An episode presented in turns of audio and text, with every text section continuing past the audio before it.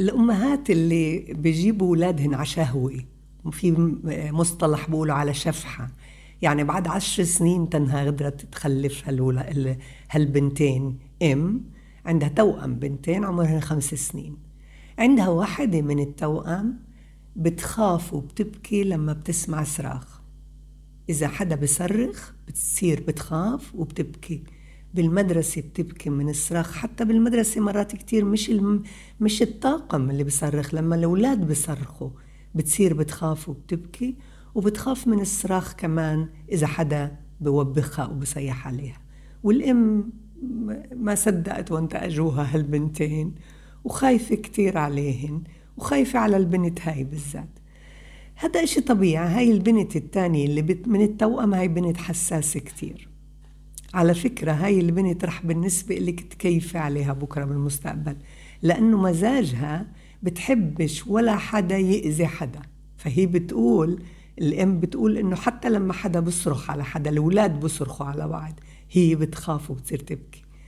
معلش خليها تتعلم الحياة ما تهكلي هم أكتر إشي الأولاد بكرروا السلوك لما الأهل بتجفل أو بتقلق أو بتصير بدها تتجاوب مع أو بتصير بترد.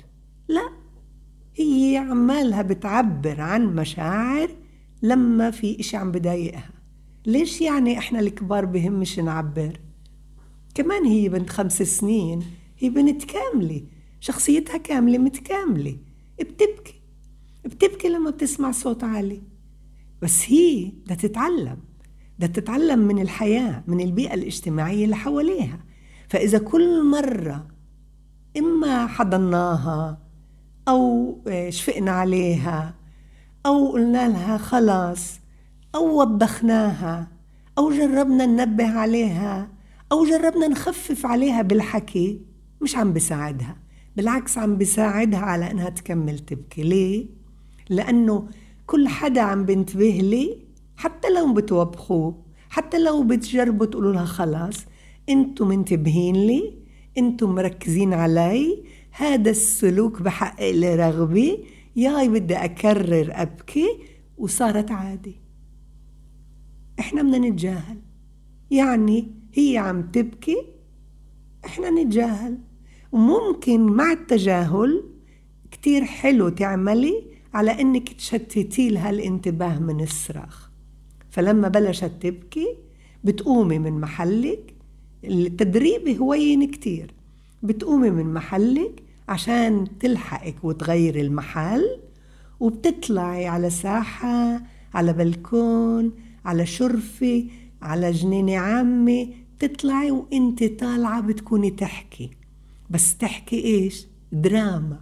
يعني تعملي لك هيك مقطع تمثيلي صغير وبدك تبدعي فيه حتى إنها تلحقك وتغير وتبطل تبكي. وانت طالعة بتحكي مع يا طبيعة يا شخصية من القرايب مش موجودة يا بطل قصة. أنا بدي أسا أنت مثل على بطل قصة تبعي كشكش كشكش يا كشكش تعالي نشوف إيش في برية السياج هون برية الباب. آه سامعة الصوت. بيسا أنا. بيسا يعني مية ومية ومية ها تعالي نشوف إذا كبرت الوردة تعال نشم الورد اللي برا. هذا أسلوب اللي كتير بأثر على الأطفال قبل الست سبع سنين. ليه؟ لأنه الأطفال كتير عايشة بالخيال. كتير بتحكي لحالها. كتير بتمثل أدوار. كتير عندها لعب وهمي. يعني بتكون تلعب مع حدا والحدا مش موجود. كتير. هذا ضروري تعرفوه. هي عايشة بين الواقع والخيال الواسع. فالدراما كتير بتساعدها وكتير بتريحها وكتير بتخليها تتعلم كيف تعيش وتتعمل توفيق مع اللي بضايقها أما بدون ما أذكر لا تبكي بدون ما أذكر ليش بتبكي بدون ما أذكر تعالي تعالي وأشفع لا. بشتت لها انتباهها بالدراما وبستخدم مع الدراما. يا سيدو يا سيدو انت شفت بنتي كيف بتنط عالي عالي؟ آه شوف كيف بتضرب الطابة شوف كيف تتمرجح. كل ما يمكن تستخدم شوف اسمع دوق شم حس.